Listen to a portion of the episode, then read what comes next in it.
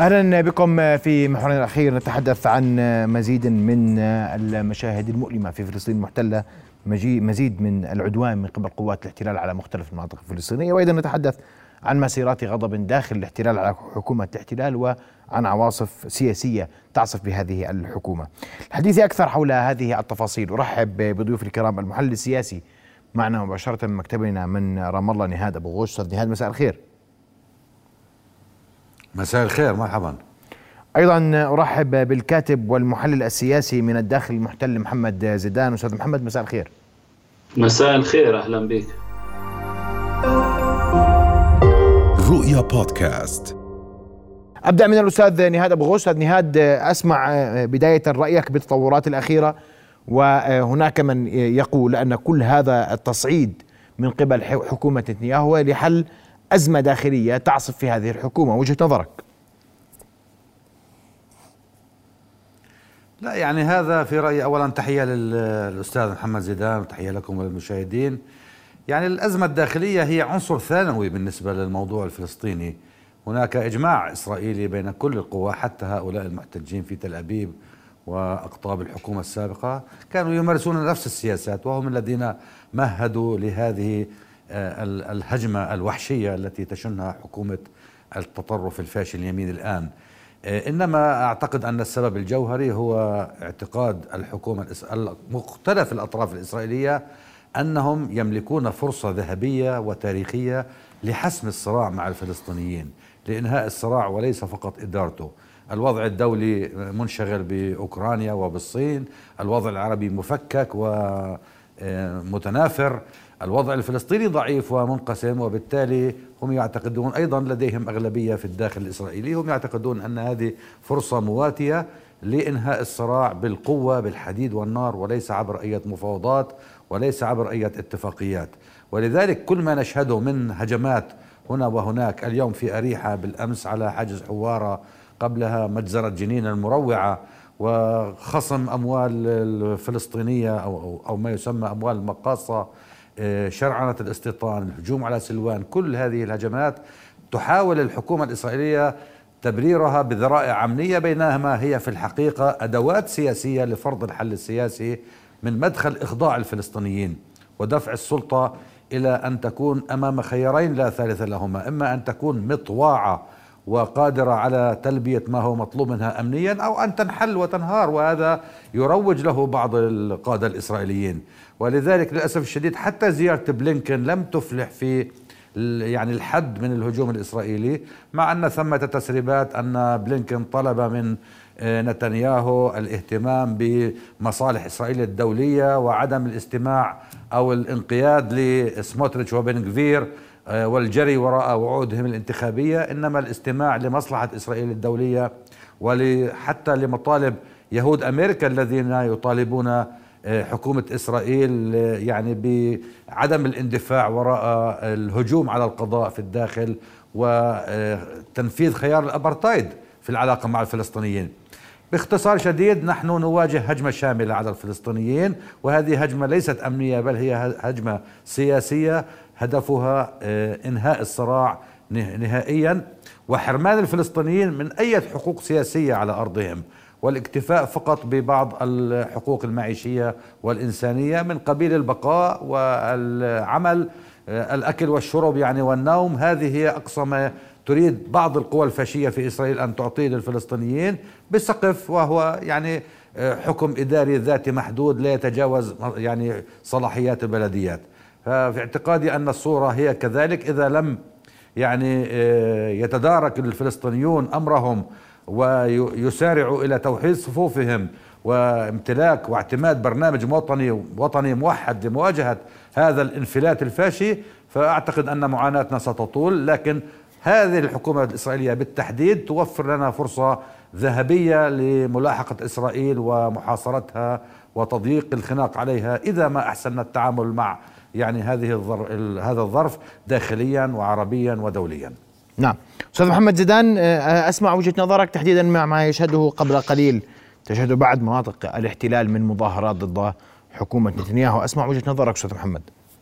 يعني لا شك بأن إسرائيل تعاني أزمة داخلية جدية في آه، في قضايا تتعلق بطابع وجوهر الدولة اليهودية ولا وأنا أوافق مع الأستاذ نهاد بأنها لا تتعلق بالموضوع الفلسطيني. القضية الفلسطينية والاحتلال غير موجودة على أجندة هذه التظاهرات. على العكس كان هناك رفض حتى لرفع هذا الصوت أو هذه الشعارات خلال التظاهرات وبالتالي كان هناك يعني شبه إجماع فلسطيني في الداخل على عدم المشاركة بها لأنها تريد يعني تحت سقف مدني إسرائيلي من أجل الاستقواء يعني شكل من أشكال التحالف مع العرب من أجل آه، يعني مع مع النخبة الإشكنازية التي تحكمت في الدولة منذ قيامها من أجل إعادة الوضع إلى ما قبله والوضع ما قبل هذه الحكومة لم يكن أفضل من ذلك. يعني الأزمة الداخلية الآن يمكن يعني أن نلخصها بأنها هي فعلا أزمة بين تيار تحكم في موارد الدولة وبشكل وبطابع وبقوانين وبأنظمة الدولة منذ عام 48 واستبعد مجموعات معينة من هذه السيطرة. الآن هناك فرصة سانحة أمام هذه التيارات التي تم استثناؤها وهي يعني الشرقيين يمكن القول. مع تحالف آه، آه، يعني خطير جدا وهو تحالف مع الشرقيين طبعا كمان يمينيين. يعني ما نفكر إنه الشرقيين يعني يسار. يمينيين تحالف مع القوى الاستيطانية المتدينة يعني التيارات الدينية الاستيطانية الفاشية بالإضافة إلى تحالف مع التيارات الدينية الحريدية. هذا التحالف عمليا لديه فرصة تاريخية أو وجد بهذه الحكومة فرصة تاريخية ليس فقط لإتمام عملية السيطرة على مفاتيح الحكم وهي عملية مستمرة منذ سنوات السبعينات يعني نهايات السبعينات ووصول الليكود أول مرة إلى الحكم بعد هزيمة حزب العمل الذي تحكم في الدولة تاريخيا. ولكن أيضا آه، ليس فقط التحكم بالمفاتيح ولكن أيضا تغيير قوانين اللعبة بحيث لا يمكن إعادتها إلى الواقع السياسي الذي كان قبل نجاح هذه الحكومة. وبالتالي يعني هناك نرى بأن ردود الفعل هي ردود فعل حقيقية. يعني هناك مجموعات وسمعنا أطر يعني اقتصادية مؤسسات مالية كبيرة إسرائيلية وعالمية. ترى بأن الوضع الحالي ينبئ بخطر جدي على المنظمة الاقتصادية. رأينا الأكاديميين والنخبة المثقفة في إسرائيل تخرج ضد ذلك. طبعا الجهاز القضائي وهناك قطاعات كبيرة متضررة من التغييرات ليس فقط على المدى القريب وإنما على مدى آه، كل ما يتعلق بالفضاء العام في دولة إسرائيل اليهودية. يعني الحديث الآن عن تهويد الدولة بمفهوم آه، الحريات الفردية إغلاق البلاد أيام السبت منع الاختلاط حتى بين الرجال والنساء وطرح أجندة دينية بهذا بالإضافة إلى تركيز موارد الدولة وميزانياتها إلى الاستيطان إلى البناء في آه، المناطق المحتلة عام 67 والذهاب إلى آه، آه، ما يشبه عملية الضم ولكن بشكل بدون الإعلان عن الضم يعني نقل الإدارة المدنية عمليا إلى سموتريتش في وزير مدني في وزارة الدفاع هو شكل من أشكال إعطاء صلاحية وسموتريتش هو طبعا من قيادة المستوطنين ومعتقل ومدان أكثر من مرة آه، آه، آه، وهو من يعني ليحمل أجندة استيطانية دينية. إعطاء الإمكانية أن يتحكم بكل ما يتعلق بالأراضي التي تسمى أراضي منطقة سي أو منطقة جيم بكل ما يتعلق في البناء والتخطيط للفلسطينيين وللمستوطنين أيضا في هذه المناطق. إذا نحن أمام يعني أزمة جدية آه، عنوانها آه، ليس فقط السيطرة على مفاتيح الدولة ومفاتيح الحكم وإنما تغيير طابع الدولة وتغيير أنظمة القوانين التي يمكن آه، يعني أن تمنع أي تغيير بعد هذا أو بعد ما تسمى الثورة القضائية التي تريد هذه الحكومة صياغتها. نعم. أعود لك أستاذ نهاد والأرض الفلسطينية تشهد المزيد والمزيد من القمع والاعتقال والاقتحامات وهناك من يتحدث عن تصعيد أكبر خلال الأيام المقبلة. وجهة نظرك أستاذ نهاد وماذا يملك الفلسطينيون لمواجهة كل ذلك اليوم خاصة بعد زيارة وزير الخارجية الأمريكي للمنطقة؟ نعم هو التصعيد الحقيقة من طرف إسرائيل التي يعني لم يكد يعني بلينكن يغادر المنطقة حتى قامت فورا بخصم آه، مبلغ يعني هو الأعلى آه، من أموال من الأموال الفلسطينية يعني حوالي 50 مليون دولار أو أكثر قليلا ربما على دفعتين. آه، ثم أعدمت شابا على حاجز حوارة الشاب من قرية الجديده في جنين. ثم اليوم اقتحام لأريحة ومخيم عقبة جبر عشرات الإصابات بمحاولة مزعومة لاعتقال يعني من اطلقوا النار قبل أيام. إذا هجمة شاملة على كل شيء في آه، الأرض المحتلة. آه، إسرائيل بهذه العمليات آه، أيضا تدفع السلطة دفعا إلى يعني إلى دور يعني ترفض السلطة. تحاول إسرائيل أن تقول للسلطة إما أن تبادري إلى منع السلاح وكبح المسلحين واعتقالهم ربما أو أنها ستواصل هذه الاقتحامات للمدن وبالتالي سيترتب على ذلك إضعاف السلطة وإظهارها عاجزة أمام شعبها عن حمايته. وبالتالي آه، وضعها أمام خيار إما أن تبقى هذه السلطة أو تنهار. بالمناسبة يعني الحكومة السابقة لم يكن أحد يطرح شعار انهاء إنهاء السلطة أو أو دفعها أو حلها أو دفعها للانهيار الآن في الحكومة الحالية هناك من لا يبالي ويقول فلتنهار هذه السلطة. أي كيان فلسطيني هو كيان معادي حتى هذه السلطة سلطة أوسلو كما يسمونها. وبالتالي هم يقولون لدينا بدائل. سنختار يعني مخاتير وزعماء محليين نتعامل معهم. بلينكن حاول أن يعني يطمئن الفلسطينيين، القيادة الفلسطينية قدمت عدد كبير من المطالب حوالي عشرة مطالب مفصلة وتشمل يعني حجز الأموال والاقتحامات والوضع في القدس والاغتيالات والاستيطان وكثير من المطالب من هذا القبيل استمع إليها بلينكن لكنه لم يعد بشيء. ولم يعني آه، حتى لم يحاول أن يطمئن الفلسطينيين وأن يقول أنه سيوفر ضمانات لتنفيذ أي من وعوده فقط قال أن إدارته مقتنعة بحل الدولتين وأنها تعارض أي تغييرات للوضع القائم. لكن هذه المعارضة ما زالت لفظية كلامية لم تتحول إلى أي شكل من أشكال الضغط على إسرائيل التي تحظى بالمناسبة هو يعني مكث أكثر من 48 ساعة في إسرائيل. وقابل مختلف المستويات السياسية والعسكرية آه، بينما يعني أمضى يعني ربما أقل من ساعة في في رام الله. حتى رئيس بايدن كان هنا قبل ست أشهر يعني في شهر تموز الماضي وأيضا قطع قطع وعودا كهذه وقال أنه مقتنع بحل الدولتين. للأسف بلينكن أمضى وقته وهو يؤكد على يعني أفكار عامة جدا ليس لها أي تطبيق على الأرض.